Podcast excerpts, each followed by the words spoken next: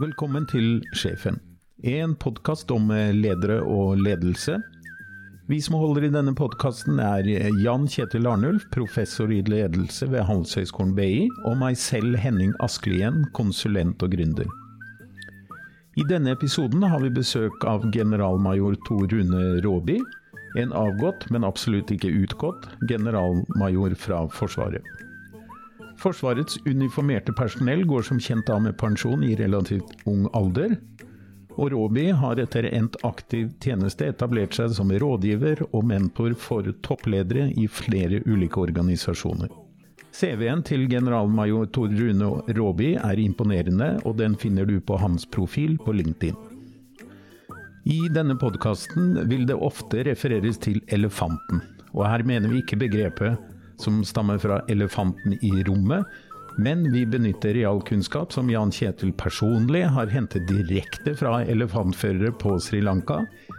I henhold til disse elefantførerne så har disse store og sterke dyrene, altså elefantene, såpass mye egne meninger at førerne aldri kan være helt sikker på at elefanten gjennomfører de planlagte oppgavene i henhold til elefantførerens plan. Litt slik det er å lede store organisasjoner, som vi nå skal høre. Vi hopper rett inn i samtalen hvor Jan Kjetil stiller et av sine klassiske spørsmål. Selv om du jo har gått av som general, så har du jo fortsatt å beskjeftige deg med toppledere. Kan du si litt om det? Ja, altså Jeg fant ut da jeg sluttet at uh, hvorfor ikke bruke disse 35-40 årene med ledererfaring til å kanskje bidra med noe godt. Og da uh, viste det seg ganske fort at jeg, jeg fikk en del telefoner etter jeg, jeg gikk av fra toppledere som ja, ønsket å ha en prat med meg. Eh, og etter det så har det på en måte ballet på seg. Eh, så i dag så er jeg aktivt inne som mentor, kaller jeg meg. Eh, noen vil kalle det coach, jeg tror ikke jeg skal gå så langt, men i hvert fall mentor. Og hele poenget med det, det er at en toppleder har ofte behov for å snakke med noen utenforstående om utfordringer rundt ledelse og lederskap. Det er ikke så lett å diskutere det i ledergruppa si alltid, og det er heller ikke så lett å diskutere det med styret sitt. Og da er det ofte greit å ha noen som ikke har noen interesser i å ta jobben din heller, mm. eh, for å diskutere da utfordringer som, som, du måtte ha som toppleder. Og Det som er litt morsomt, er at det er halvparten kvinner og halvparten menn. Så, så det okay. ser ut til å være likt fordelt. Ja, ja. Da høres det ut som vi er i ferd med å løse glasstaksproblemet for kvinner, da, hvis du har et representativt utvalg. Ja. Ja, og det må man jo kunne si. 50-50 er ikke galt. Nei, det er ikke gærent. Eh, det, som, eh, det, som, slår meg da, da, er dette temaet om ensomhet i toppledelse. Jeg tror faktisk altså Clausewitz et eller annet sted i sin bok om krigen så sier han at det er et hav av forskjell på nestkommanderende og sjefen. fordi at nestkommanderende har alltid noen man kan snu seg og spørre, men sjefen egentlig ikke har det på en måte. Ja, og det er jo egentlig essensen for behovet for å ha en toppledermentor. Der har du det. Ehm, og min opplevelse er at mange toppledere er ensomme. Mm. Ikke ensomme i kan du si, litt sånn overfladisk sosial sammenheng, men de er ensomme i forhold til det å stå alene med ansvaret. Og det, det ansvaret kan det ofte være ålreit å diskutere med noen. Mm. Hvordan man skal håndtere. Fordi det er ikke alltid enkle veier ut av problemer. Eh, og da er det greit å ha noen å spille ball med. Mm. Mm. Så det blir jo en blanding av eh, rådgivning og diskusjonspartner mm. man blir i en sånn sammenheng. Mm. Jeg tenker på det der med eh, toppledelse. altså En av de tingene som gjorde at jeg fikk lyst til å, å, å invitere deg nå, det var jo det at eh, jeg, jeg, selv har jo vært litt opptatt av at når organisasjoner blir store nok og tunge nok, så får de på en måte sitt eget liv. Uh, ofte når vi snakker om ledere, så er det veldig fort gjort å tenke seg at det er lederen, lederen styrer organisasjonen. Litt sånn som du kan tenke deg at du har en, folk som har sånne fingerdokker. Da, de drar i alle snorene og styrer dokka helt. Men, uh, men jeg tenker at uh, sammenhengen mellom topplederen og organisasjonen er ikke fullt så enkel. Så da hadde du en kommentar på noe av det jeg hadde lagt ut. da. Ja, jeg, jeg syns det var et veldig spennende innlegg du hadde på LinkedIn om elefanten. Om å sitte på elefanten. Og det å sitte på elefanten har jeg jo en viss eh, erfaring med. Eh, I og med at jeg har vært eh, leder og sjef for Heimevernet, som jo er på 40 000. Og er jo den største delen av den militære organisasjonen i Norge. Det er jo i høyeste grad å sitte på en elefant. Det som var jo spennende, var jo at dette var jo en elefant som var interessert i å bli ledet på fornuftig vis. Men samtidig også med sterk egenvilje. Og organisasjonskulturen er jo noe du alltid må forholde deg til. Men det er klart at med 40 000 sivile som skal ta på seg uniform, så er det en annen organisasjonskultur enn hvis det hadde vært en ensartet, uniformert, fast ansatt struktur. Så dermed blir elefanten litt annerledes å styre og lede. Ja, det vil jeg tro. Fordi mesteparten av de som er der, er jo ikke der, på en måte. De har... Nei, de, det var en god eh, kollega av meg som sa at Heimevernet er uh, basert i sine kaserner hjemme. Ja. Så de er kassenert i sine sivile hjem. Ja, på soverommet. Og, på soverommet. Ja. Det, det, er jo egentlig eh, et slags sånn mellom stadium. Ofte så I, i ledelseslitteraturen så skiller man jo eh, fra amerikansk side ofte ikke sant, med management og leadership. Og En måte som jeg har pleid å forklare det for studenter for, at management, altså en sånn leder, det er når du har betalt folk for å stille opp. Mens når du har en forening, så kommer jo folk uten å ha fått betalt for det. De kommer, og, ikke sant, og Da har du et mye mer sånn direkte det som amerikanerne kaller leadership, og vi skiller jo så dårlig mellom det på norsk. Men hvis du ikke kan betale folk og de, for å være i organisasjon, de må på en måte være påmeldt da, verdimessig eller av andre årsaker. Så det høres ut for meg som at eh, Heimevernet er en slags sånn mellomposisjon. da. Ja. Men hvis du tenker at du blir toppleder altså En toppleder er jo da en person som har eh, som har eh, du, du innleder med å si at topplederen kan komme inn der og være i en viss forstand ensom. Toppleder har sannsynligvis ganske mange venner, sånn sosialt, men som toppleder så er man da altså på en måte ensom. Og da tenker jo jeg på hvilken Hvis jeg får utfordre deg litt på det, hva, hva, er det toppledere da trenger? For at noe har de jo med seg inn som har gjort at de har blitt toppledere. Så hva er det gapet, skal si, kompetansegapet eller da, dilemmaene som toppledere da ofte står overfor, tenker du, når du har sett mange av disse, både militært og sivilt? Ja, altså eh, de aller, jeg vil si de aller fleste, om ikke alle toppledere, forstår styring. Eh, og har eh, solid kompetanse på styring, altså management-dimensjon. Mm.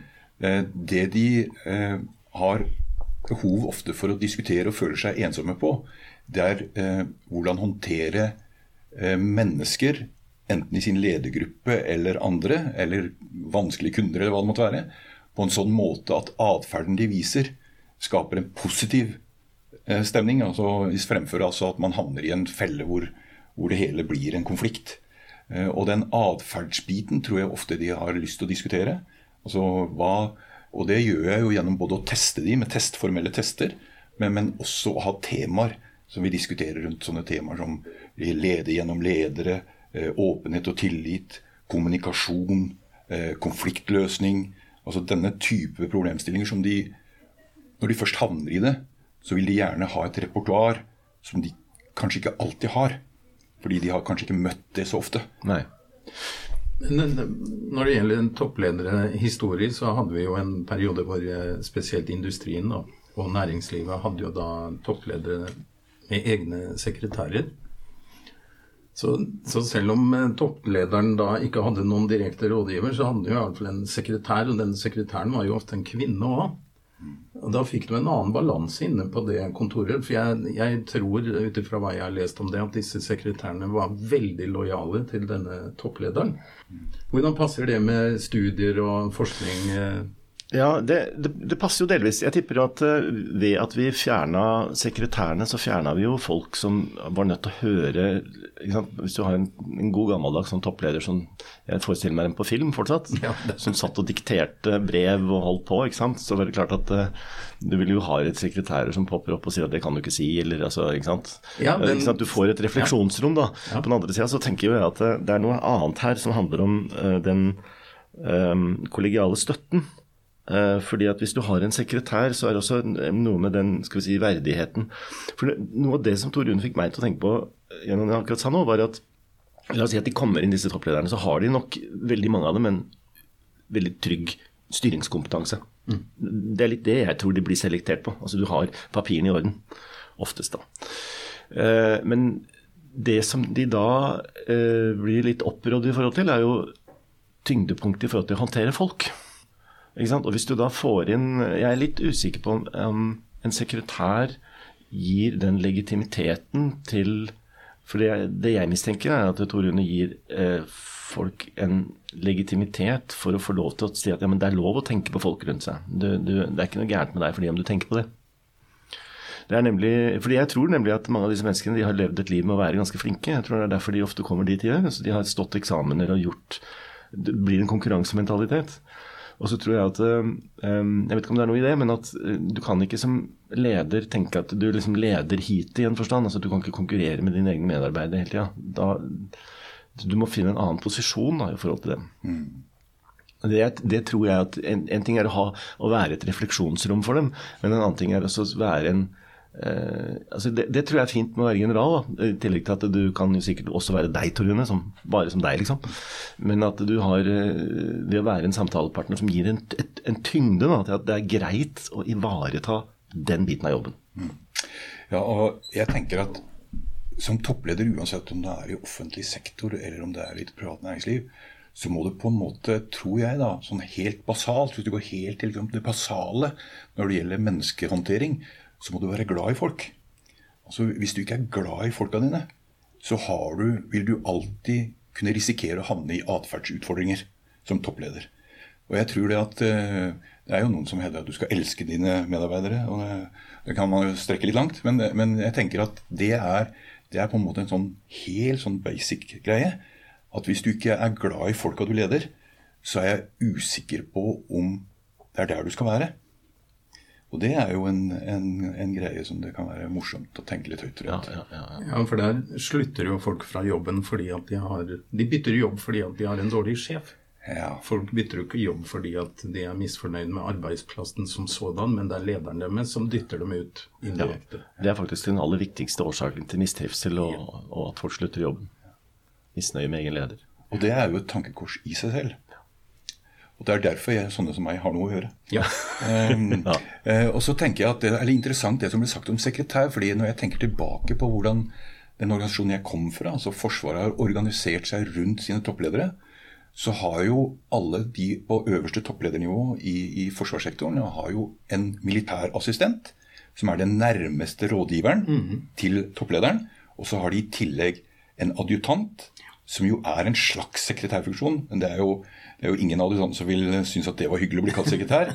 Men de er altså en offiser som legger til rette kalenderen og, og, sørger for avtaleboka og alle disse tingene her. Så der har du jo litt av det du mm. tenker høyt om. Eh, og så er jeg usikker på om det er veldig mange i næringslivet som har det lenger. Og det var dere jo inne på. Ja, ikke sant. For, fordi jeg, jeg, tenker at Fellesnevneren i det vi snakker om her, er jo eh, at hjernen på mange måter egentlig er et åpent system. Mm. Altså Vi merker jo det når vi drømmer, at vi drømmer jo om oss selv i relasjon til andre mennesker. Så hjernen trenger jo hele tiden eh, å tenke beslutninger og kommunikasjon i forhold til andre. Og det er jo det som jeg tror med disse at i, i de fleste organisasjoner så ser vi jo at nettopp det du har en NK eller du har en, du har en adjutant eller en sekretær, sånn at tenkningen eller man kan ha en, for den saks skyld en hoffnarr, som man kan tenke seg at man hadde før i tida. Jo, men poenget er nemlig det at da har du Tenkningen foregår i et system av aktører.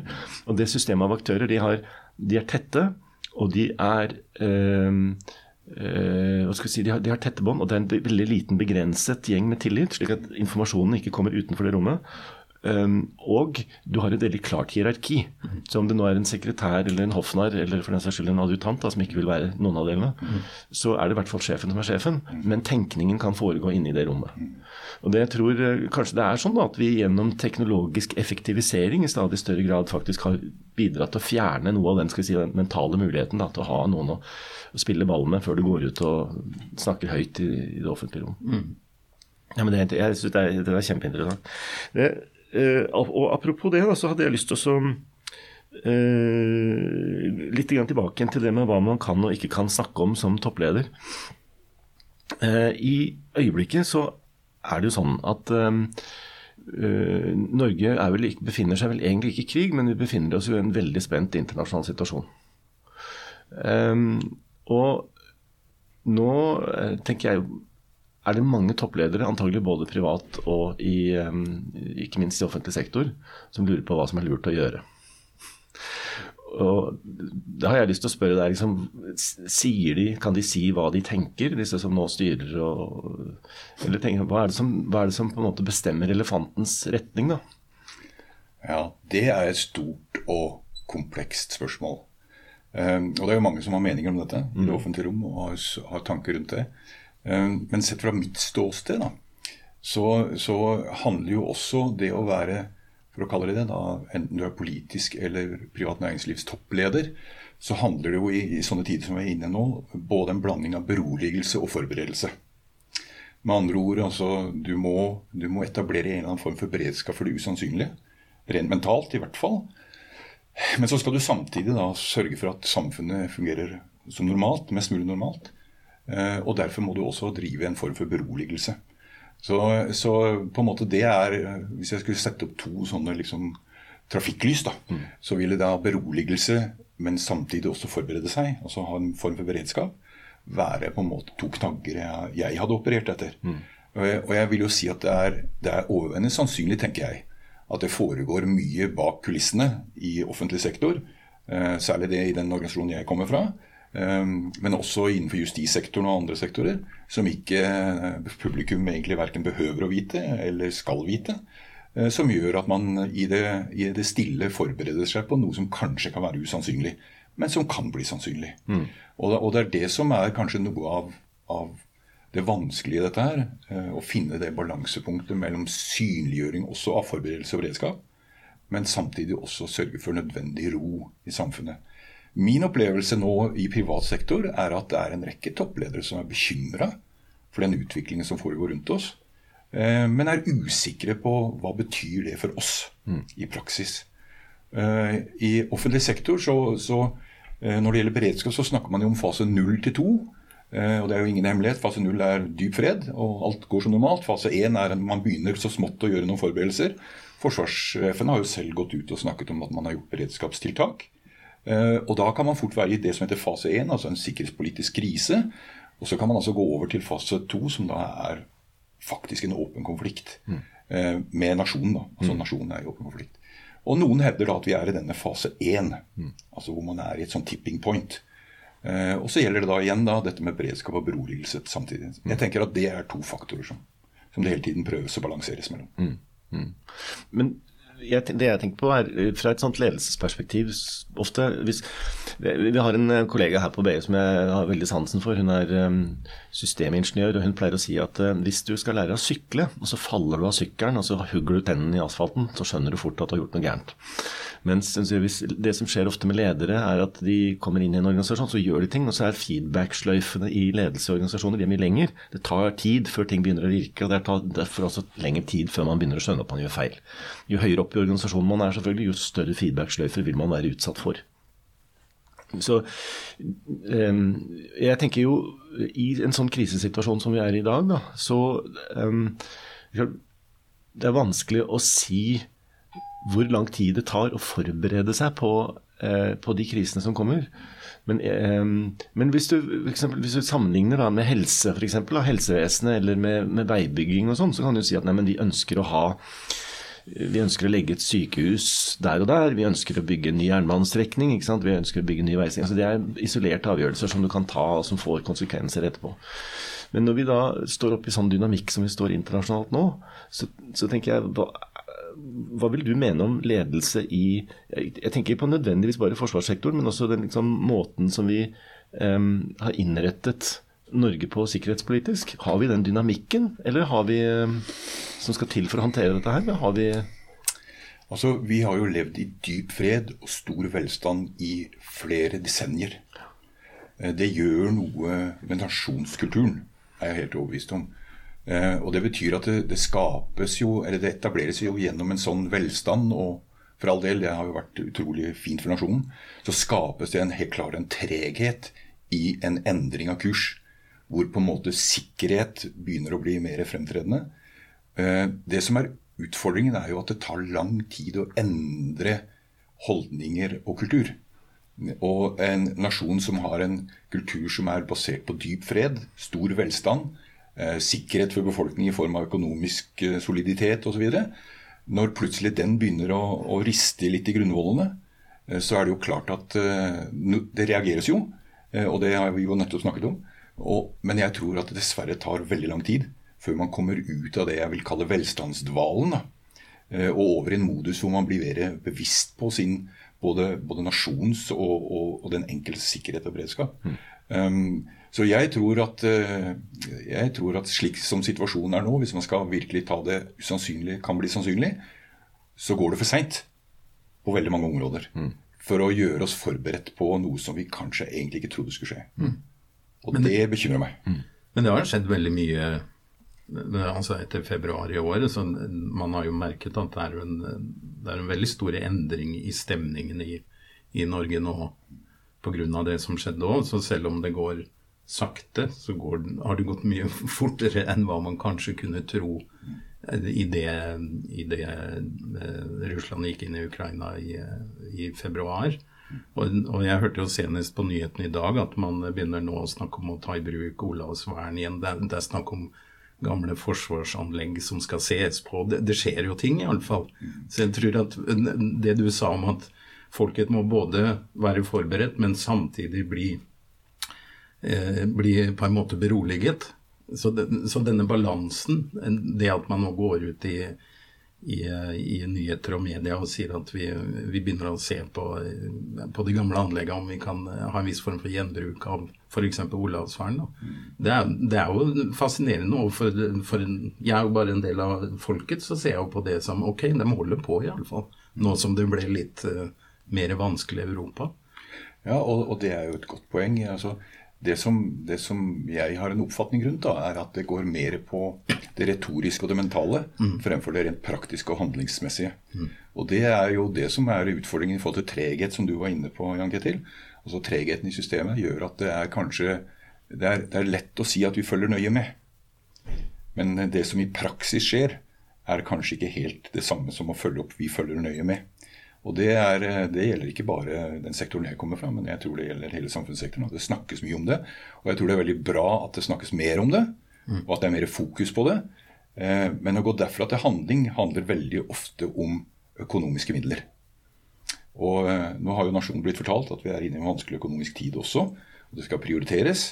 Eh, og Det gjør det også vanskelig å gå fra å se nøye etter til å faktisk handle mm. på de områdene som kanskje er viktigst. Ja. Det tenkte jeg altså, Nå er det jo mange som snakker om selve krigen, um, men det som jeg syns vi snakker mindre om, er nettopp dette som jeg er inne på nå, som handler om den, si, det å forstå ledelse bakenfor de aktuelle temaene. Altså hva skal til for at du har et samfunn som er robust nok til å tåle dette her. Vi så det jo under, pandemien at vi har kanskje planlagt for små sykehus. Altså Vi har et sykehus som ikke egentlig tåler infeksjonsbølger, for vi har ikke nok akuttsenger. ikke sant? Det ble et spørsmål. Ehm, da den kjøreledningen i Romeriksporten falt ned her på mandag, så viste det seg at man hadde ikke utstyr til å evakuere folk inne fra tunnelen. Eh, jeg, var, jeg, det er, altså jeg tar toget nesten hver dag. Jeg syns det er dypt alarmerende å tenke på at hvis du sitter fast i en tunnel I fire timer. Ja, Så er det ingen som har tatt seg råd til å ha et beredskapslokomotiv som sleper det toget ut igjen. For det, det er snakk om penger, da. Så i alle organisasjoner tror jeg så er det som du sier at uh, beredskap er det som økonomisk heter slakk. Du må ha litt slakk, så du har noe å sette inn når det blir vanskelig. Eh, og det virker på meg som at det er litt fraværende da, i, en, i en effektiviseringsverden. At behovet for slakk, forståelsen av hvordan slakk henger sammen med dynamikk, det, er, eh, det sitter langt inne mange steder. altså. Mm. Ja, og eh, eh, Lean er jo et motord som har vært fremme i hvordan man leder i, i, mange år. Og det er klart at Blir man for lean, så mister man da den bufferen, eller den muligheten til å håndtere det uforutsette. Eh, og det er jo i seg selv Eh, en betydelig utfordring, for å si det litt enkelt. da. Ja, ja, ja, ja. Nei, fordi jeg, sånn, Helt sånn eh, økonomisk så skjønner ikke jeg f.eks. Altså Finland. Finland har jo på en måte påtatt seg å være et buffer mot først Sovjetunionen og Sør-Russland helt siden 1945. Det har de jo vært og gjort, uh, uten å være medlem av Nato. Så de, jo, de ville jo gjort det selv. Det har de altså råd til uten olje. Men vi gjør ikke det. Så du må jo altså har du lyst til å kommentere det, eller det, er det feil? Nei, altså, For å si det litt enkelt og litt, sånn, sånn litt spøkefullt, altså, det er et mysterium for meg ja. at vi ikke gjør mer. Ja. Um, men det er, det er, jo åpenbart at, at uh, det er det Norge per nå Der er Norge per nå. Uh, det er et mysterium for meg at vi ikke gjør mer um, uh, i en sånn situasjon som vi er i nå. Finnene har De bruker å si at vi, visste at, eh, vi vet at den eh, russiske bjørn sover, men når han ruller seg over på siden, så knuser han alle. Det var jo et ordtak i Finland, noe i den duren. Mm. Det har ikke vi tatt helt hensyn til. Svenskene ikke heller. Men svenskene gjør jo nå store grep. Mens vi fortsatt så er det et mysterium for meg at vi ikke gjør mer. Mm. Men det er, det, er, det er, politikk, og det, det er ikke alltid jeg forstår. Nei. Nei. Men jeg hadde, jeg hadde, lyst til å holde oss litt der, uten å gå rundt og være veldig politisk. Men jeg tror at uh, ikke sant, det, når, når, du, og ikke bare du, da, men alle de som sitter som toppledere rundt i verden, de har, tenker jeg, altså, de har, de har Utad så har de to oppdrag. på en måte. Det ene er at de skal, som du sier, til en viss grad berolige, og det er vesentlig. Da. Jeg har bare lyst til å nevne at under finansen, forrige finanskrisen så sa etterpå så sa sjefen for Bank of England ble spurt hvorfor sa dere ikke tydeligere fra hva som sto på spill. Og så sa han sjefen for Bank of England at hvis vi hadde da sagt hva vi trodde var situasjonen, så ville det være som å rope 'brann' ut i et fullsatt teater. Det ville vi ikke gjøre.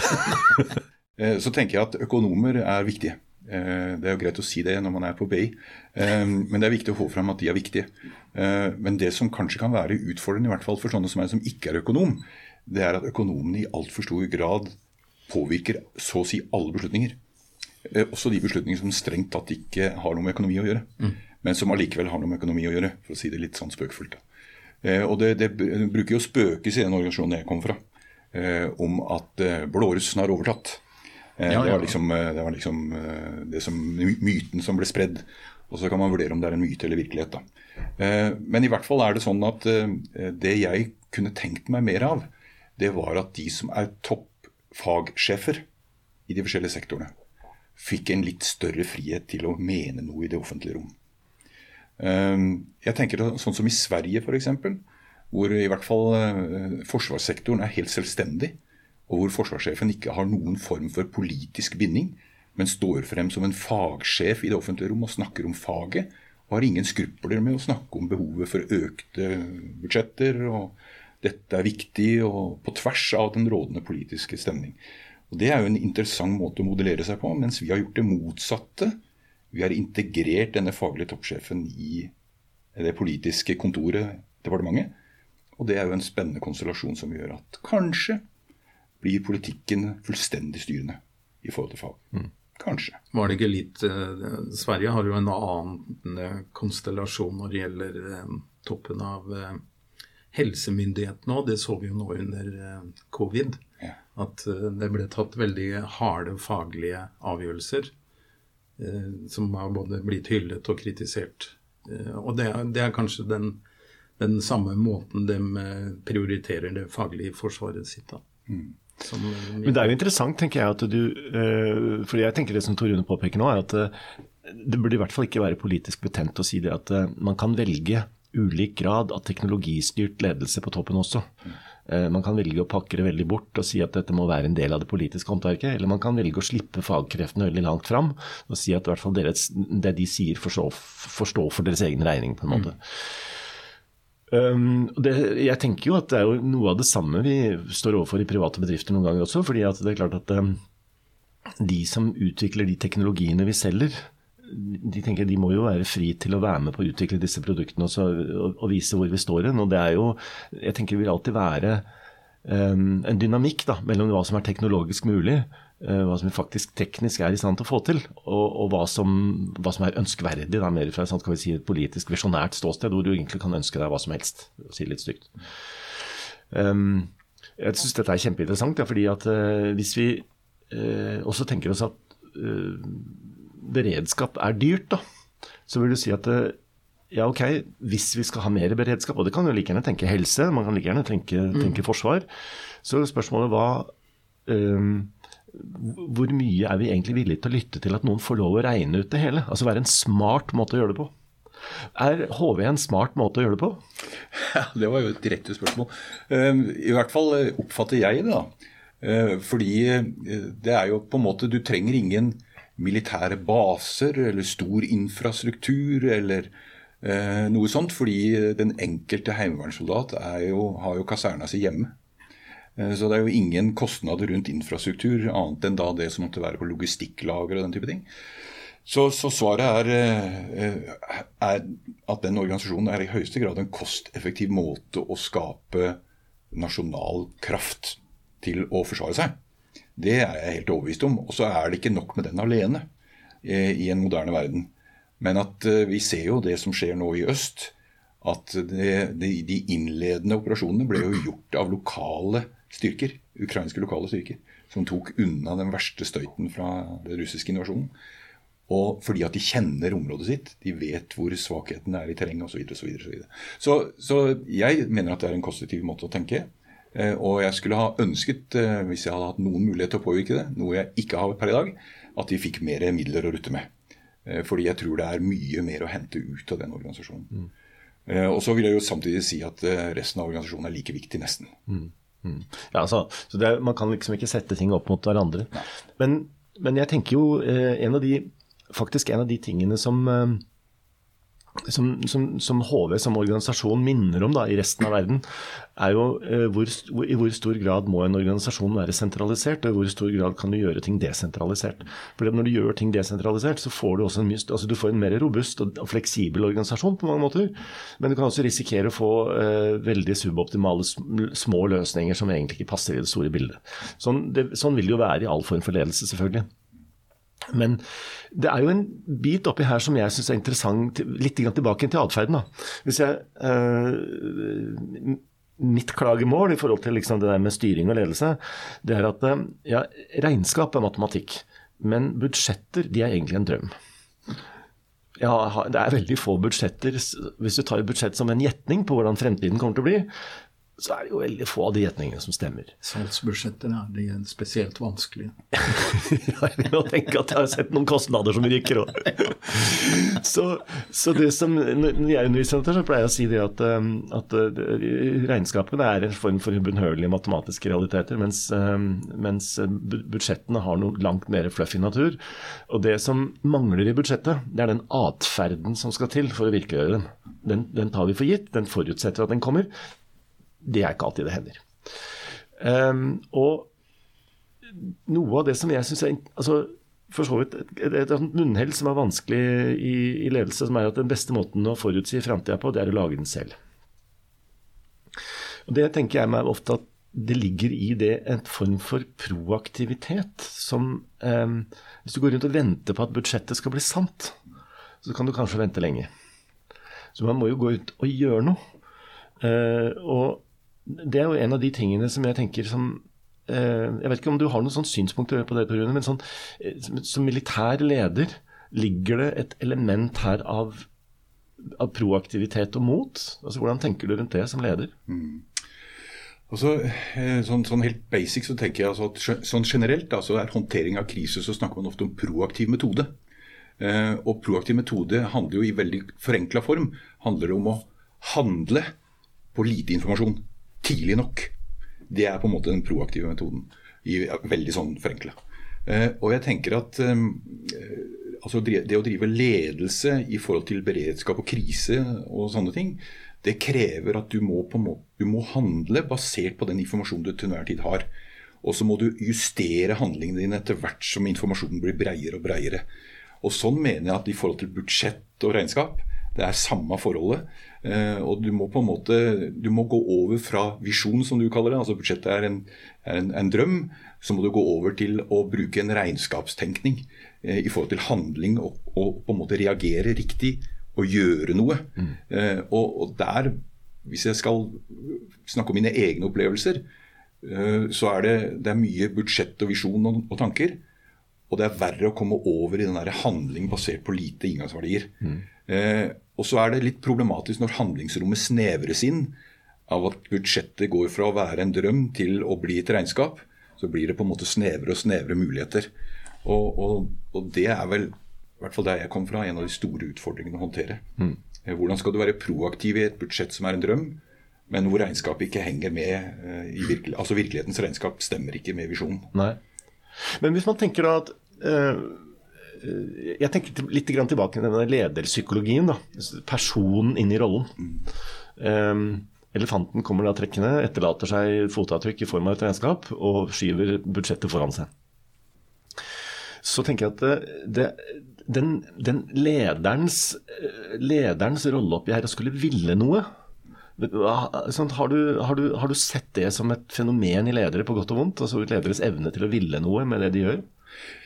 Ja, altså jeg tenker at til syvende og sist handler kanskje det der om evne til å prioritere innenfor det du til enhver tid har av regnskap og visjon, altså budsjettdrøm.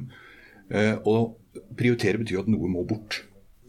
Og det smerter veldig at noe må bort, som særlig du kanskje er spesielt opptatt av, men som ikke bringer virksomheten fremover. Um, så jeg tenker en av de mest smertefulle tingene ofte toppledere er utsatt for, også jeg, var hva skal jeg prioritere av armod, for å bruke det uttrykket. Ja, ja. Eh, når armoden er stor, hva skal jeg prioritere innenfor armoden? Um, og da er det jo ikke sikkert du treffer. Uh, og da blir du målt på det. Ja. Eh, så det der er jo en av topplederes store utfordringer det er det der med å treffe på prioriteringer innenfor et tross alt begrensa ramme. Eh, den, eh, den, den, kan koste bekker av bekymring. Ja. Mm. Ja for det er, I, i sånn lederpsykologi så vet vi det at uh, det fins et personlighetstrekk vi kaller for nevrotisisme, som et kanskje litt sånn belastet ord, men det er liksom hvor emosjonelt påvirkbar man er. Hangen til å bekymre seg. Uh, og, og, det tenker jeg i, i en del sånn lederpsykologi, at akkurat i den ensomheten som du beskrev her tidligere, uh, så er det det er vanskelig da, for lederen, fordi det er en indre kamp. Skal jeg, skal jeg safe her? Skal jeg kaste, for da, Hvis jeg bare liksom sier at det er ikke mitt bord, eller her har jeg et styringssystem, her kan jeg lene meg. Det er lettere, da. Det tar vekk litt av den ensomme angsten. Mens det å si vet du, her må vi bare kjøre. Må vi bare, Hit må vi bare gå. Det er jo i verste fall også karriereødeleggende, da. Eh, eh, hvis du prioriterer og vil noe, og så blir du tatt for det. Det er enklere å gå tilbake og si ja, men her har jeg bare fulgt reglene.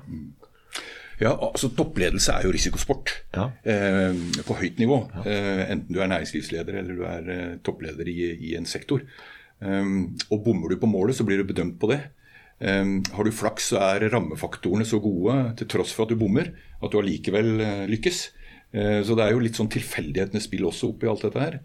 Eh, jeg tenker at, eh, at nevrotisisme er et ganske godt uttrykk i forhold til det her for angsten for å lykkes eller ikke lykkes. Og er, Jeg syns alltid det er litt spennende å lese begrunnelser hvorfor en toppleder går av. Da er det ofte uenighet om strategi. Ja vel. Jeg skulle gjerne likt visst mer om substansen enn uenigheten. Du skulle gjerne vært i det styremøtet? Jeg skulle gjerne vært i det styremøtet. ja. Det hadde vært interessant. Ja. ja. Men vi, vi, ønsker vel, når det gjelder um, bekymrede toppledere, så ønsker vi at de skal være litt mer bekymra i, uh, i, Forsvaret enn de skal kanskje være i alle andre etater. da. Fordi at de skal jo forutse ting som Du nevnte jo tidligere, Tor Rune, det her med å være i beredskap. Det betyr at du må ha en viss form for bekymring for framtiden. For, ja, ja. for, å ha en, for å ha en, hva skal man si, en proaktiv eh, tankesett i forhold til hva som kan skje. Selv om det fortsatt er vanskelig å spå om fremtiden. Ja, og det der er eh, jeg, jeg, Hvis jeg skal prøve å billedliggjøre det der, den bekymringen og den ønsket om en høyere beredskap, så er det sånn at eh, igjen så har du altså en ambisjon, et ønske om et beredskap et visst nivå fordi at du er bekymret for det og det. Mm. Men så tar du og åpner lommeboka di, og så ser du at det er bare 200-lapper der istedenfor de 3000 du skulle ha.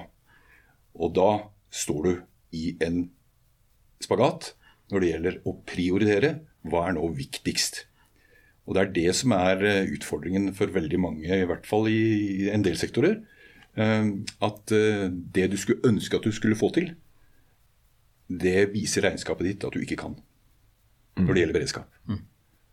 Og da er spørsmålet er det da denne topplederen skal si fra i det offentlige rom. Og hva er i så fall da konsekvensen av det? Jeg syns det er et kjempepoeng. Jeg tenker, um, Og da tenker jeg mange sektorer, faktisk. Um, hvis vi ikke har råd til å gjøre alt, så må jo noen si fra om det. Um, og jeg tenker f.eks. Jeg har jo sittet selv og sett eh, kommuner som jo i prinsippet har forpliktelse til eh, å være ganske spandable på vegne av multihandikappede barn. Liksom barn som er en svær belastning for, barn, altså familien og folk rundt seg.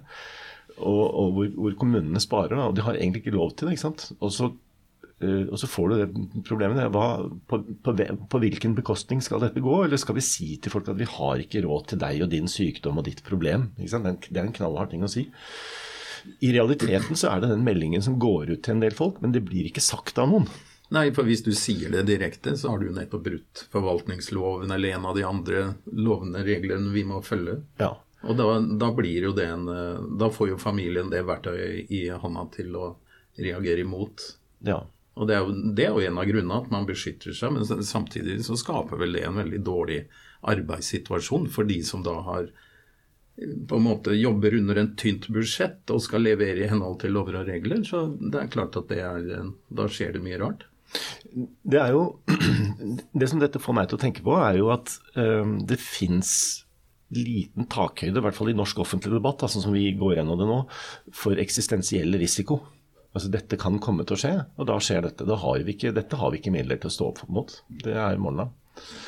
Eh, og så tenker jeg, som du sier, at, Torin, at det, vel, altså på en, en, måte så kan man jo ikke I hvert fall når det er krise, så bør man forsøke å, å ikke blåse for mye eh, på den krisa og lage, lage, krisestemning. Men i forkant, mens vi driver og forbereder oss, så burde det jo være takhøyde for å si at vet du, dette har vi faktisk ikke råd til. Eller denne, denne muligheten har vi faktisk ikke. Eller her har vi valget mellom to muligheter. Velger vi den ene, så kan vi ikke ta den andre. Eh, men det virker jo som at det er, det er vanskelig, da. Både i helse, tenker jeg, utdanning og og og å gjøre karriere hvis du sier dette, da. Så har vi en ting til i Norge da, som stadig vekk kommer opp. En, det at vi har mangel på penger, mangel på budsjett. Det, det er det ene problemet som stadig vekk drøftes. Men, men det er jo også mangel på mennesker. Altså Hvis du skal bygge ut helsesektoren til det nivået som eh, mange ønsker seg da, eh, på visse sider av politikken, så vil det kreve veldig mye human kapital. Og så, er vi bare et gitt antall. Men jeg har, til, jeg har, lyst til, å koble en ting der som jeg har egentlig tenkt på når det gjaldt uh, Heimevernet. Ja. Fordi eh, vi har jo drevet her også mm, helselederutdanning.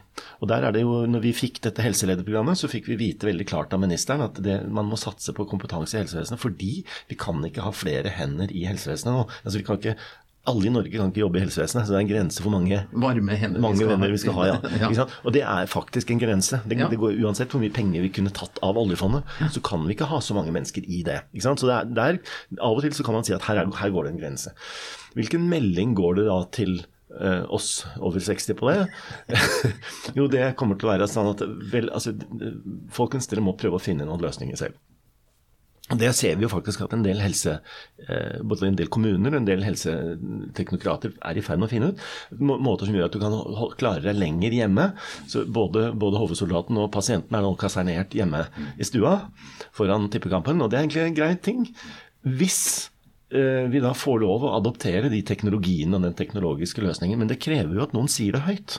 Mm. Eh, for hvis vi da samtidig sier at nei da, vi tar hele kampen i spørsmålet om hvor sykehuset skal ligge, det er det vi er fokusert på, og så vet vi jo at mange av oss antagelig ikke kommer inn i det sykehuset etter hvert. Da. Da, da, så Det er derfor jeg tenker at en del av disse teknologiske gjør det selv-løsningene på, på, flere nivåer er faktisk det er en interessant måte å tenke på. Men jeg tror at ledere på toppen av store elefanter de har en tendens til å bli litt monopolister på vegne av sin egen elefant. Mm pirke litt igjen på deg, Torune. For jeg tror nemlig dette er, dette er, jo historie, og spist er spist. Mm. Men jeg mener jo at uh, i norsk altså Heimevernet var veldig pop når det ble etablert etter andre verdenskrig. Og så har liksom Heimevernets popularitet den har jo kommet og gått litt. Jeg mener at daværende forsvarssjef Sverre Risen syntes kanskje ikke at det var så nyttig. Um, så det, sånne Tanken om den desentraliserte løsningen den er ikke alltid helt pop hos den som styrer totalelefanten. fordi der er det der, der, er det fint å være stor høvding, da. Så det er ikke så lett å gi fra seg ressurser til andre. Eh, det er et dilemma der. Det der er, det er også en stor og, og, og, faktisk viktig diskusjon. Um, I dag snakkes det jo veldig mye om å finne tverrsektorielle løsninger på alt mulig rart. Um, det som er utfordringen, er, for å bruke ditt bilde, da, hver av disse store elefantene har sin egen løpebane. Og det er stort sett en murvegg på begge sider av den løpebanen. Ja. Det er veldig veldig vanskelig å få noen tverrsektoriell ønske til å få gjennomslag gjennom disse murene. Um, og, og uh, det, som, det, som, på en måte uh, skaper det, er jo at vi har jo et politisk vedtatt sektorprinsipp i Norge. Som gjør at det, det blir en stor elefant i hver sin løpebane. Uh, og, og det er jo en viss bevegelse i tankesettet da, om at man må prøve gjennom denne totalberedskapskommisjonen som nå arbeider, hvorvidt man skal prøve å løse opp i noen av disse løpebanene. Um, og jeg tror, for å si det litt spøkefullt, alle sektorers elefanter er enige i at det er behov for å koordinere, men ingen vil bli koordinert. Det er på en måte essensen. Eh, hva, vi. hvis jeg får lov å bore litt i det, eh, hvorfor tror du det ikke vil bli koordinert? Hva er det som ligger bak det? Jeg, hvis jeg skal være uærbødig, så er jeg helt overbevist om at det handler om politisk makt og prestisje og status. Eh, fordi at hver statsråd har sitt departement og sin sektor og har ansvaret for det. Og så har vi vedtatt et sånt prinsipp at det skal råde. Hver statsråd er ansvarlig for sin sektor på vegne av statsministeren. Og sånn er det.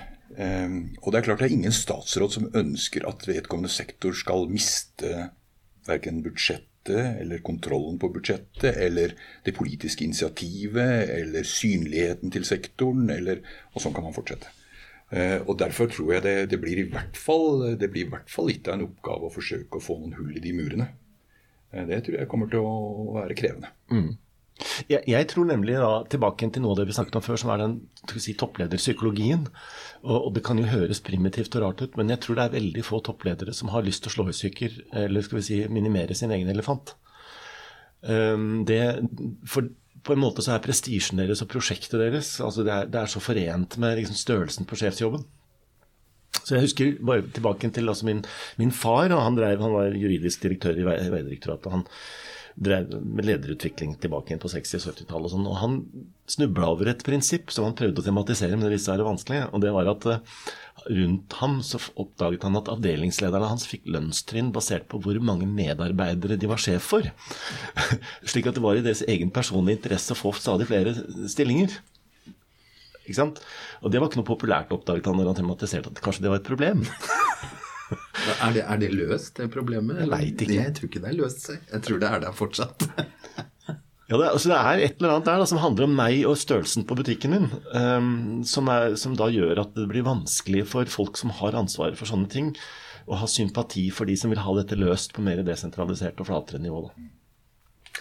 Ja, og I tillegg så handler det jo selvfølgelig også om hva som er, hva som er i, i tidsånden når det gjelder uh, interesse for enkelte sektorer. I, I, en gitt tidsånd så var helse en sektor som var i, i vinden, pandemien. I en annen, altså Under den kalde krig så var forsvarssektoren relativt i vinden. Uh, justis er i vinden i forhold til en rekke andre faktorer. Og sånn, kan du sånn flytter på en måte fokuset seg fra elefant til elefant. Ja. eh, basert på tidsånden. Ja. Eh, og, og, det gjør jo også ikke sant, at, å finne de der balansepunktene. Mm. Men når du sier det sånn, så ser jeg for meg et sånt elefantveddeløp, liksom, hvor den ene leder litt på den andre. Og Det er jo litt, det er jo litt, det er jo litt negativt uttrykk, men altså, elefanten har jo også mye positivt i seg ved at vi har en ganske så velfungerende offentlig sektor. Ja. Eh, så man skal ikke liksom bruke for hard kost også. Så, men, men, det er et godt bilde, syns jeg. Mm. Fordi elefanten er stor, kraftig og går på. Eh, og er ikke lett å rokke med. Nei, den er ikke det. Og jeg har faktisk, jeg husker en gang, da var jeg øh, veldig ung, men jeg var på en sånn backpackertur i India og Sri Lanka. Da satt jeg en hel formiddag sammen med en elefantfører ved en elv. Det var litt derfor jeg tror jeg kom på det bildet. Fordi han fortalte meg det at kan, jeg kan ikke liksom, det er grenser for hva jeg kan fortelle den elefanten. Det er et samarbeid som viste meg hvordan han var nødt til f.eks. elefanten er nødt til å hjelpe han til å komme opp. Og, så, så, det er liksom det, det er ikke helt enveis, dette her. Um, men litt tilbake igjen til det med, med, med desentralisert. altså i, i, næringslivet i øyeblikket, tror jeg Jeg har lyst til å gå litt tilbake til ledelse. liksom tema ledelse. Uh, for i næringslivet så um, det var en periode hvor man var veldig opptatt av ledelse og lederutvikling. og Der har interessen dabbet noe av fordi, tror jeg, at vi ser en tendens til at med hurtigere entreprenørskap, altså oppveksten av små, raske sånne gasellebedrifter og sånn, så ser vi en tendens til at um, mange av de store konsernene forblir store konserner, men istedenfor å organisere liksom, gammeldags militært sånn, i staber og linjer og sånn, så spinner de ut selskaper. Så du får en slags sånn finansiell teamorganisering på en måte, hvor, hvor en fem-seks hoder får med seg en sekk med penger for å utvikle en idé. Hvis den dør, så dør den. Hvis den vokser opp, så gjør den det. Men det gjør at um, i, i sånn entreprenørskapssammenheng så tenker man at du får større dynamikk ved på en måte å slippe løs sånne små porteføljer av, av, av, um, av bedrifter. De tar en idé og utvikler den. ikke sant? Men så tenker jeg at det kan man jo gjøre i en moderne digital økonomi. ikke sant? Kan man gjøre sånn? Det var vanskelig i den gamle industrielle tiden, hvor du måtte bygge opp svære smelteovner med logistikksystemer og sånn. Da kan du ikke egentlig gjøre det der. Mm, Men den samme problemstillingen har vi i dag. eh, Jeg snakker med politiet om det. eh, Forsvaret har det litt sånn. Jeg tror helsevesenet kanskje er litt mer modent for det, fordi det er tenkeligere å ha små institusjoner. Men, men, men altså Forsvaret og politiet er vel to institusjoner hvor du egentlig ikke bare kan slippe folk løs. Eh, Det er ikke så lett, på en måte. Nei, det er ikke det. Men samtidig så, så tenker jeg at eh, hvis du tenker måten i hvert fall Forsvaret snakker varmt om og har eh, utdannet på, så handler jo det om sånn intensjonsstyrt ledelse. Altså eh, kalt oppdragsbasert ledelse. Hvor du på en måte gir in, altså lederens intensjon til organisasjonen. Og så får, får altså organisasjonen lov til innenfor den intensjonen som handler om hensikt, metode og sluttilstand, så får de lov til å løse oppdraget sitt. Eh, Med andre ord, Det er litt sånn Patten som sa altså at eh, ikke fortell eh, undersåttene dine hvordan de skal gjøre det, men hva de skal gjøre. Og så vil de overraske deg med sin oppfinnsomhet. Ja, Det er liksom den, den måten å lede på, den har jo vært i hvert fall eh, lærebokmessig og delvis praktisert i forsvarssektoren i mange år. Eh, Den, er, den derre 'jeg vil du skal'-saken, den er bare en liten bit av moderne ledelse i den sektoren, men mer denne intensjonsgreia. Så jeg vil jo si at det er jo et ønske om desentralisert utførelse, men eh, sentralisert kall det si, rammesetting for hva du skal gjøre for noe. Eh, og målet du skal nå. Eh, men så får du lov til å håndtere det innenfor det. Eh, Så er det jo sånn at i fredstid da, så kan det hende at det ikke er riktig så løssluppent. At det er mer bundet. Og da blir det vanskelig når du, hvis du skal slippe dette fri når det blir alvor. Hvis du ikke har praktisert det til daglig. Ja. Mm. Og det der er en evig sånn konflikt, fordi at du har ikke sant, et regelverk, du har budsjettrutiner, prosedyrer og sånn sånt du må passe på. Og det slippes jo helt fri når det virkelig blir alvor. Mm. Så det der er en, en veldig delikat balansegang. Og jeg tenker at det er mange sektorer og virksomheter som er i det dilemmaet der. Tilbake til dette med ledelse, da, som var det vi starta med. Nå starta jo du med å snakke om toppledere. Men jeg tenker jo, altså, hvis du ser tilbake igjen på den karrieren din, og sånn, så har jeg lyst til å spørre deg Har du sett ledere utvikle seg? Ikke bare deg sjøl, men andre? Og ja, i høyeste grad. Og jeg tror altså um, En av de tingene som jeg er litt betenkt over, er hvis f.eks. mellomledere på et for tidlig stadium stemples som ikke karriereverdig. For det viser seg veldig ofte at en del av de som blir på en måte ut outa, har altså et potensial som ikke har kommet til syne enda, eh, og som trenger litt modning, og så plutselig slår det ut i full blomst. Så eh, jeg tenker at eh, akkurat det der med lederutvikling, det mener jeg at bedrifter burde ta i på langt større alvor, nettopp med det for øye. Og utløse potensialet hos de man kanskje heller ikke trodde hadde det potensialet, for det viser seg at de hadde det. Eh, og jeg har sett eksempler på i min egen organisasjon på, på mellomledere som, som ikke gjorde noen spesielt strålende innsats på et gitt nivå med en gitt rolle, men som når de ble flyttet til en annen rolle med et annet fokus, blomstret og virkelig tok helt av. Så man skal i hvert fall være forsiktig med å si for tidlig at noen ikke duger. Ja. Du kan ikke bare satse på talentene, du må ta de som trener òg. Ja. Ja, ikke sant. Du må ta de som trener òg. Ja. Folk utvikler seg. Og det, jeg har tenkt på det mer som musikalitet. Eh, Det fins ingen toppmusikere som ikke øver. Selv om sant, jeg, jeg kommer aldri til å bli så god som de Jeg kan øve så mye jeg vil, på en måte. Men, men de øver, de òg. De er nødt til de er nødt til å skaffe seg stimulans, de er nødt til å skaffe seg utvikling. ikke sant? Og jeg tror det som, som er vanskelig for bedrifter ofte, som du sier, da, det er at de ser et tverrsnitt av personen her nå. Og det er veldig vanskelig å se personen i et utviklingsperspektiv. Mm. det skal du være ganske moden for, tror jeg, som leder, for å se dine egne medarbeidere som noen som utvikler seg. Mm. det var derfor jeg tenkte om du kunne reflektere litt om du har sett det hos eh, dine egne medarbeidere og hos eh, ja, i Forsvaret er et stort system. og Jeg er helt sikker på at du har fulgt noen karrierer og sett noe som har funka, noe som ikke har funka. Ja, i høyeste grad. Og det er noen som jeg har trodd ikke kom til å funke, som funka strålende eh, etter hvert. Ja. Um, og jeg tror at i og med at du befinner deg der jeg kommer fra, så får du jo trene som leder på mange forskjellige nivåer. Ja. Og i mange forskjellige settinger. Med andre ord få mye trening som leder. Og det er klart at hvis du, hvis du gjennom da tre-fire nivåer og i mange lederroller har vist at dette går ikke så bra, så er det jo alltid et spørsmål hvor mye skal du putte av ressurser inn til å utvikle en sånn, versus den som ser ut til å stadig i økende grad lykkes. Eh, og den seleksjonen der kan jo være vond og vanskelig.